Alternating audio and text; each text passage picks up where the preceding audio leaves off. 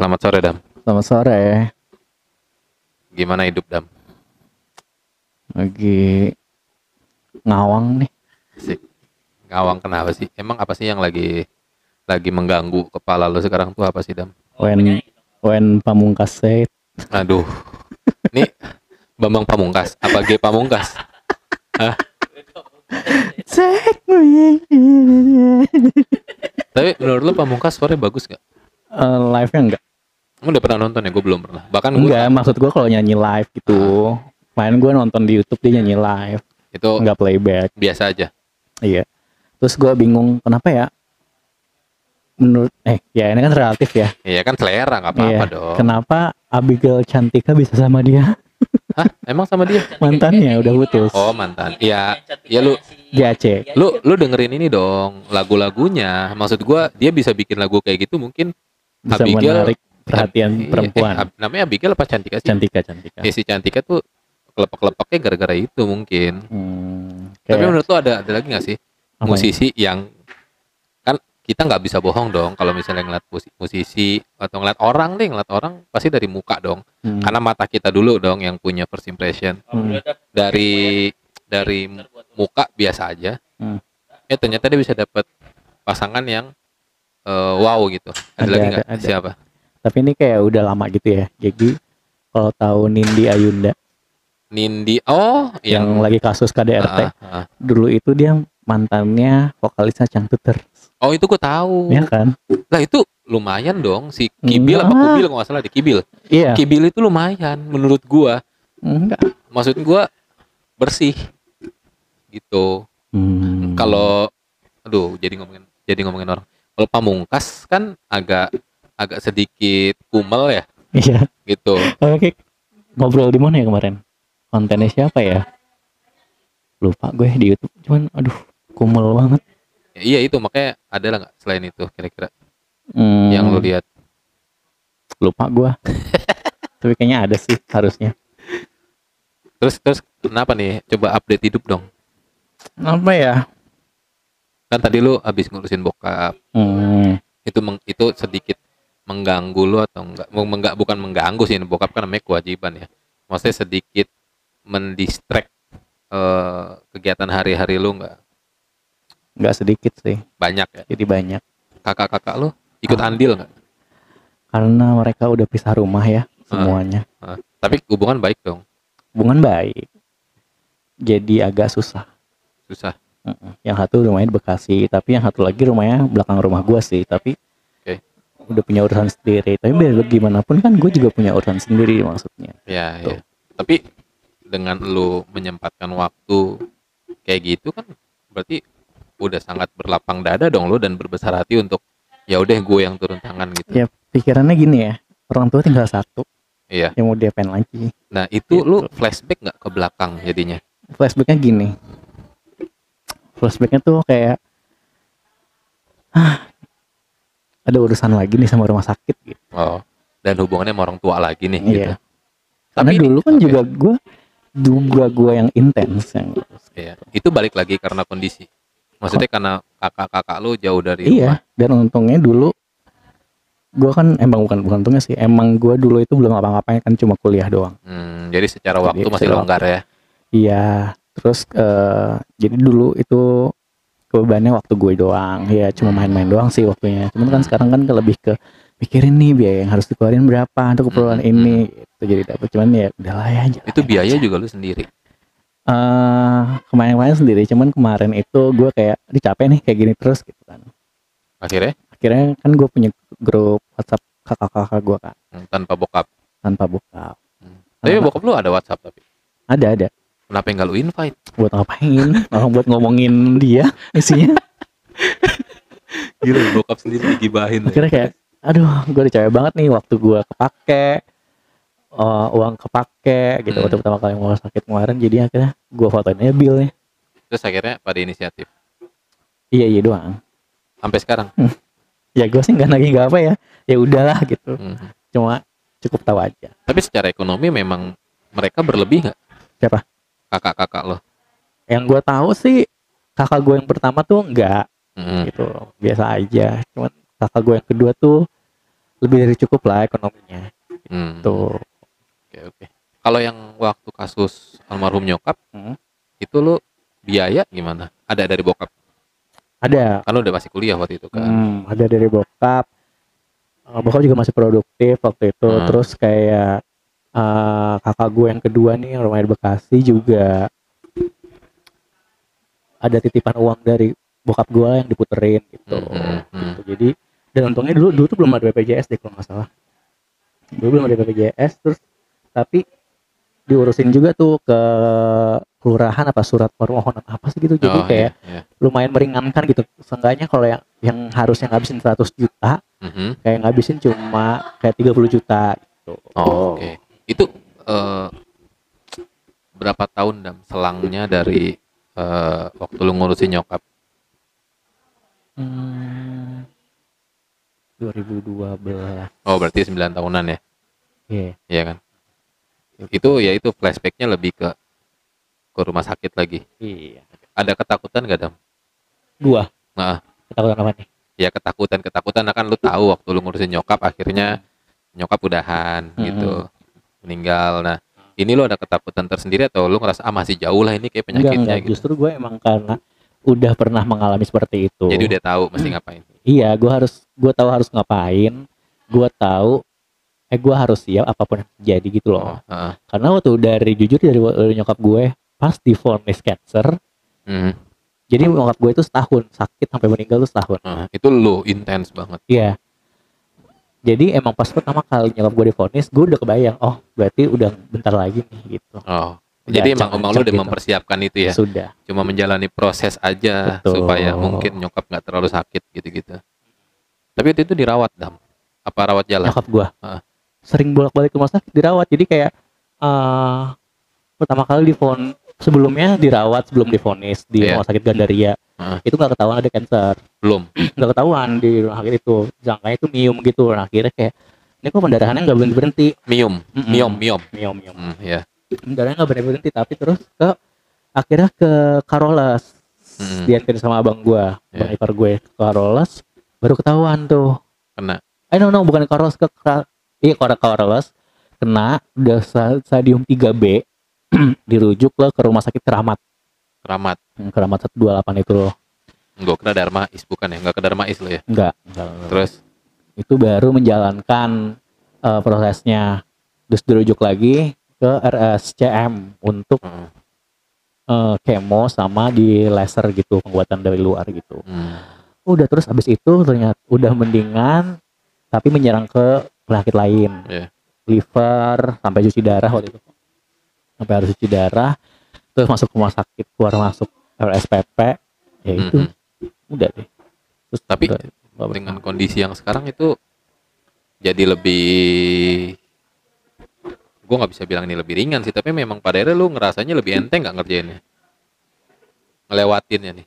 Lewatin bokap gue ini. Iya maksudnya proses bokap lo harus berurusan sama rumah sakit. Eh karena gue sekarang udah punya kerjaan Heeh. Kayak jadi punya tanggung jawab lain Mhm. jadi kayak aduh gimana nih harus Hmm. yang mana dulu yang gue duluin gitu loh. prioritas ya Heeh, itu sih yang lebih ke jadi pikirannya gitu terus kerjaan gimana kerjaan Nih, maksudnya karir karir lu tuh emang lu ada bayangan gak sih karir tuh mau ke mana nih udah 30 kan lu udah Iya kan? Mm-mm. 30 tuh udah mulai lu udah mulai concern mikir soal karir nggak sekarang?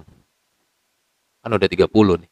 Justru hmm, kayak udah capek kali ya maksud gue udah capek jadi kayak pengennya aduh gue udah malas kerja kantoran deh kayaknya harus kayak mau jualan di jualan apa kayak jual makanan kayak buka warung kayak buka Hmm. franchise kayak gitu-gitu Ya sih itu kemarin kan lu ngobrol sama gua soal bakso di Bali itu. Iya, terus melihat melihat eh, teman-teman gue yang sudah juga buka warung kecil Mhm, gitu kan, mhm. ya pendapatannya nggak banyak, cuman cukup dan kayak mereka lebih menikmati waktunya gitu Iya. loh. Tapi lu orang yang berani ketemu resiko nggak? Berani. Berani. Mm-mm. Nah itu kapan kira-kira mau lu coba kalau lu mau mapping ke depan itu Tahun depan deh paling. tahun depan Mm-mm. udah kebayang lo mau mau jualan apaan Jualan apanya sih belum ya, cuman kayak kayaknya udah harus di planning dari sekarang deh gitu.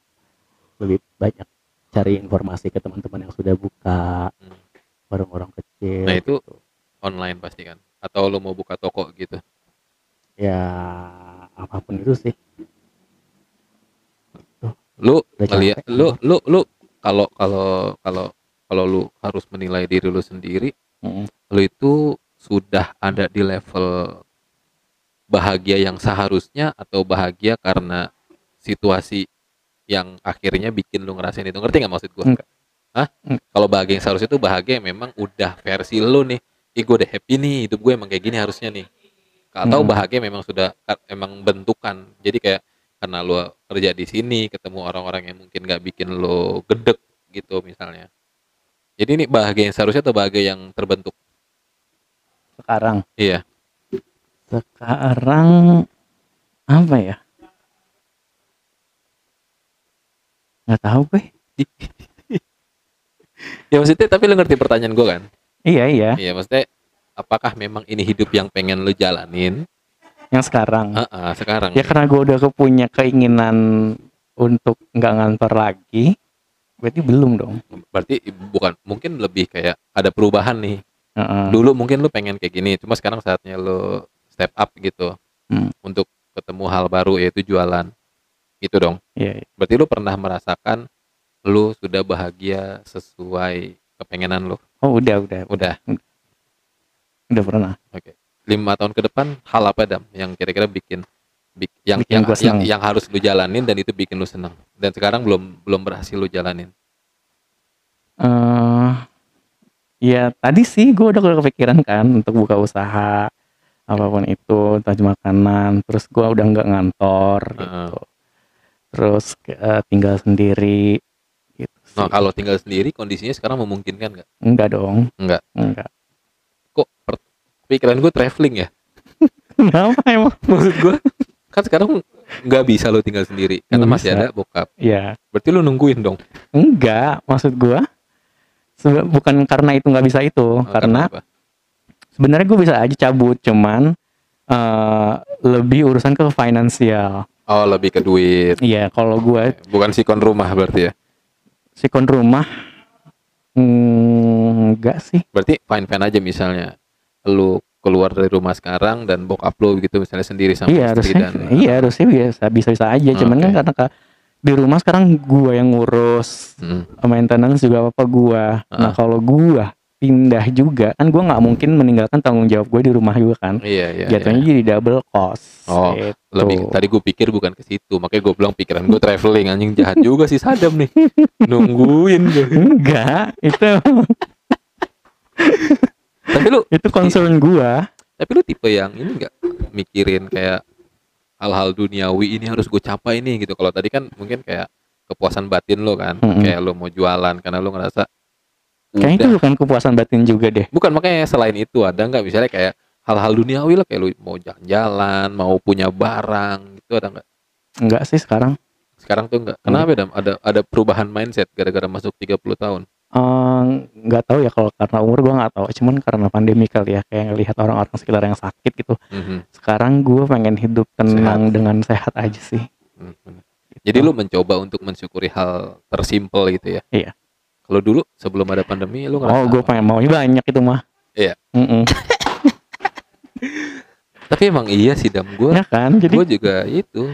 kayak sekarang tuh gue lebih pikiran gue maunya sehat aja udah dulu sekarang terus hidup tenang gak ada tuntutan yang Ya. terlalu serius Iya. gitu Kayak nggak tahu lu pernah denger atau enggak dari gue nih kayak gue tuh nggak ngincer senang kalau gue ya. Hmm. Gue tuh ngincernya tenang gitu. Karena Mm-mm. percuma kita punya tapi kita nggak tenang gitu. betul. Ngerti nggak? Jadi itu kan beberapa kayak yang lu sekarang. Iya. ya misalnya gue punya rumah gitu tapi ternyata tapi bisa nggak sih maksud gue kayak ya udah ini udah sebagai jadi rutinitas lu gitu kan. Bagian mana? Eh, untuk membayar kewajiban lu iya setiap bulannya. dong iya dong. Itu kan konsekuensi. Tapi kan ak- eh, selama ini jadi pikiran lu kayak nggak tenang gitu kan? Ad, ya pada akhirnya memang gue kalau misalnya pakai persentase ya. Hmm. ya memang belum 100% tenang gitu. Karena ada kewajiban setiap bulan itu iya betul. Yang- dan memang sebenarnya seharusnya gitu. Ya ya sebenarnya bukan bukan karena nggak seharusnya lebih kayak eh, ini pilihan besar apa konsep apa ya benar pilihan besar yang akhirnya gue pilih yang akhirnya mengakibatkan konsekuensi yang cukup panjang dan berat gitu. Karena gue harus membayar eh, cicilan rumah untuk jangka waktu tertentu kan. Walaupun sebenarnya bisa gue tutup tengah jalan tapi kan masalahnya secara finansial gue nggak punya uang sebesar itu untuk nutup. Betul. gitu kan. Dan kalau masalahnya kan ini sistem perbankan ya. Hmm. dan bukan syariah gitu. Jadi eh, apa kalau dihitung-hitung ya nilai nilai itu rumah nggak nggak sesuai sama harga beli waktu di awal Ya. gitu. Nah makanya itu yang mungkin bikin sedikit gua agak agak mengurangi rasa tenang gua lah walaupun di di aspek lain ya gua tenang-tenang aja udah dapet eh, keluarga yang menurut gua cukup ideal buat gua sangat ideal buat Berarti gua. sampai berarti sampai sekarang ada masih ada pikiran nggak tenang gitu. ada ada ya misalnya yang gini deh ngebuat lo nggak tenang tuh apa? gini deh lu tahu nggak kapan kita meninggal Iya betul sih. lu lu yakin ketika it, lu lu lu yakin lu bisa hidup sampai hutang itu lunas, Lunas. ya kan itu kan Berarti itu yang lo bikin tenang. iya gitu. itu dan ketika gue meninggal kan gue Siapa ninggalin yang bayar gua, gitu? nah gue ninggalin hutang dong ninggalin beban ke keluarga gue Iya betul. gitu makanya sebenarnya gue waktu itu agak agak menahan cuma ya ya pilihan itu harus dibuat karena satu dan lain hal ya udah konsekuensinya harus gue jalanin gitu tapi selain itu ya alhamdulillah kerjaan lagi tenang-tenang aja terus finansial juga lumayan lagi tenang-tenang aja Kayaknya emang dari, Gitu. dari dari situ juga dari obrolan-obrolan kita yang Kemarin-kemarin, tentang ah. rumah gitu ya. Gue tuh emang nggak pengen punya rumah gitu loh. ya kan Karena gini gue mikir, gue pun juga memikirkan itu kalau Iya. gue, gue nggak tahu umur gue sampai kapan gitu. esensi rumah apa sih dam kan tempat tinggal Iya. ya mau itu lu ngontrak Hmm. ngekos atau punya sendiri atau dikasih orang Hmm. intinya itu rumah kita tinggalin kita kita hidup di situ Ya, tapi ada satu satu gu satu satu apa ya? Satu pandangan.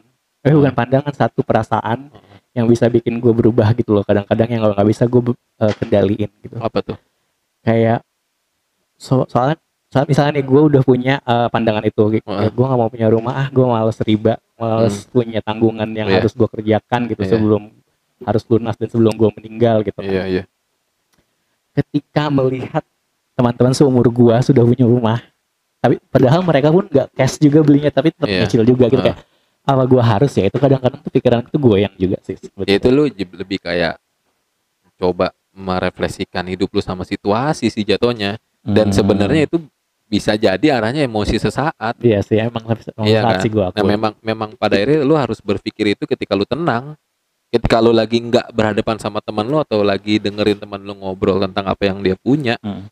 gitu makanya sekarang tuh sebenarnya selain rumah ini memang gua nggak terlalu ngejar sesuatu yang terlalu ngoyo gitu loh. Misalnya kayak gua nggak kepikiran pindah kantor ke kantor yang lebih bergengsi gitu enggak. Gitu karena memang menurut gua emang kita harus kenal rasa cukup sih dam. Iya ya itu itu apalagi di umur umur kita sekarang ya ketika semua orang mungkin punya obsesi yang harus Iya, gimana.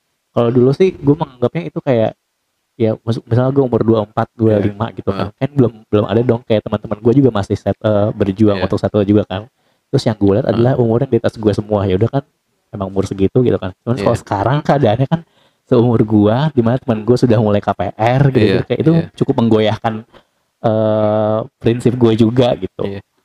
kalau kalau gue tuh lebih kayak kayak tadi gue bilang ketika memang gue ngelihat orang punya ini punya itu mindsetnya kalau di gue ya balik lagi bukan soal punya gitu tenang dia bisa ceritain ke gue teman-teman gue yang punya banyak itu Hmm. bisa ceritain ke gue apa yang mereka punya tapi di balik itu gue nggak tahu sebenarnya ketenangannya semana gitu bisa Berarti jadi punya Nah, tapi iya, tenang sebenarnya kan? itu kan yang gue rasain juga kan. Iya. Sebenarnya kan sama, sama kan yang kita rasain.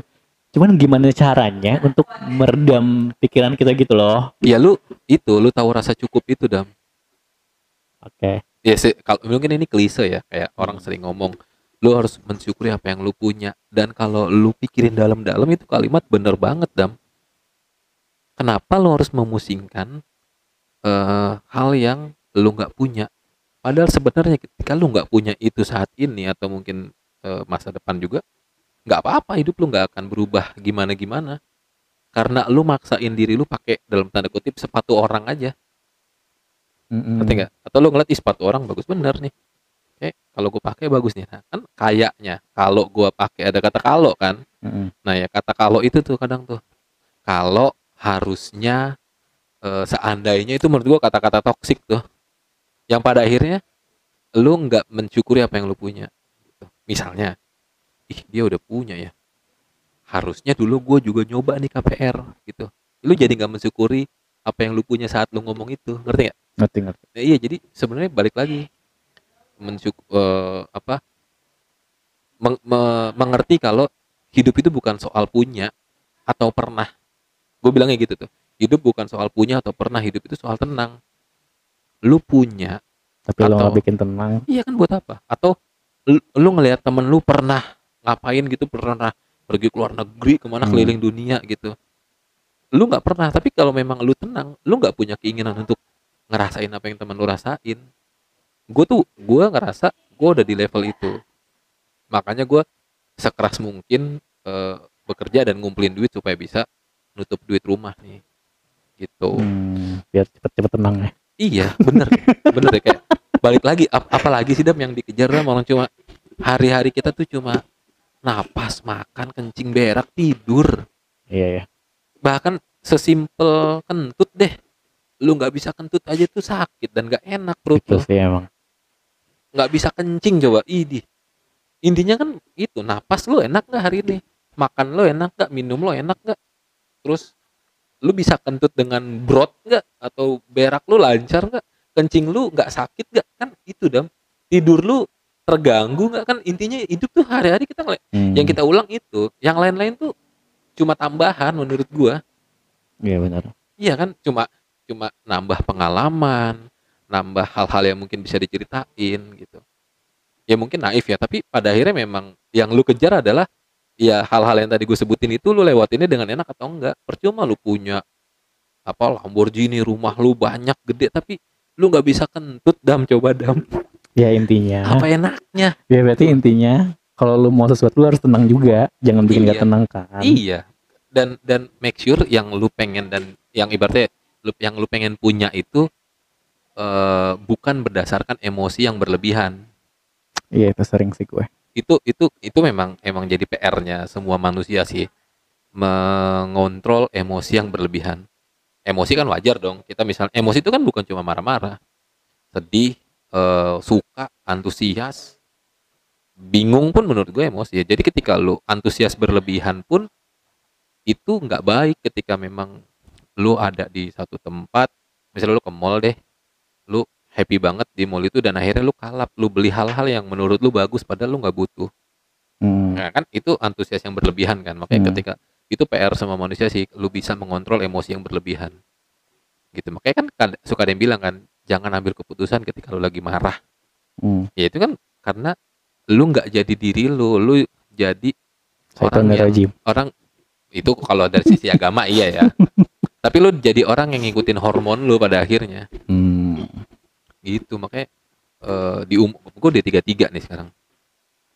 Iya, gue tahun ini tiga empat Enggak dong, kan gue 88. tahun ini tiga tiga Tahun ini 33. Sekarang masih Hmm. 32. Nah, di 33 di umur 33 tuh gue mikir kayak gila waktu kuliah cita-cita gue umur 35 tuh gue udah tinggal ongkang-ongkang kaki. Itu. Pengen rasanya gue balik ke masa gue kuliah pengen gue toyor tuh diri gue sendiri. Anjing. Enggak gitu goblok konsep hidup. Ternyata Hmm.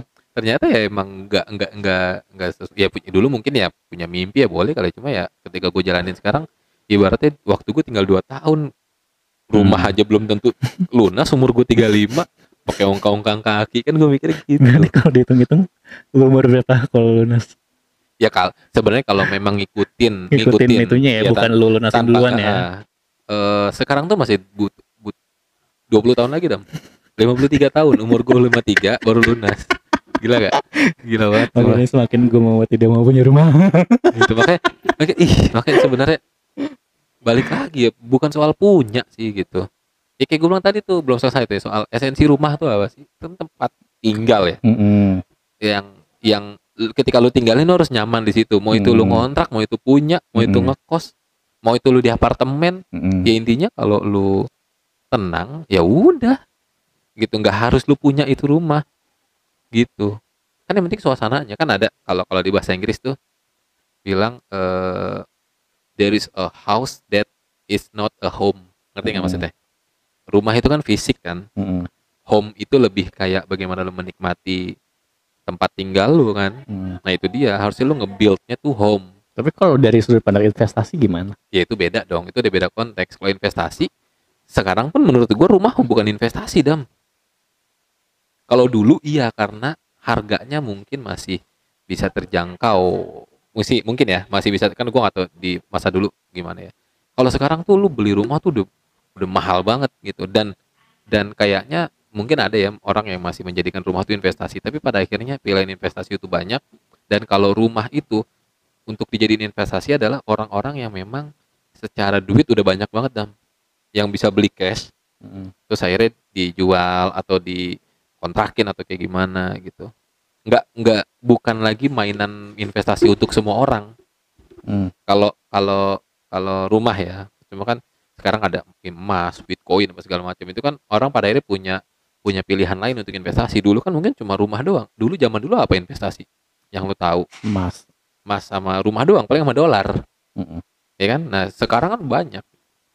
Kayak misalnya gua kemarin sempat ada ada tawaran untuk gua ambil rumah di daerah Banten Rangkas Bitung lah. Mm. gitu. Sebulan cuma 900 ribu. Bisa tapi kan malah menambah ketidaktenangan gua. Ya enggak Mm, balik lagi kan bukan soal punya. Kalau ngomongin investasi kita pilih aja investasi yang lain. Kalau memang lu nge-refernya ke duit. Mm. kalau lu pengen duit lu agak sedikit banyak ya nge-refer eh, ya lu coba cari investasi yang lain gitu.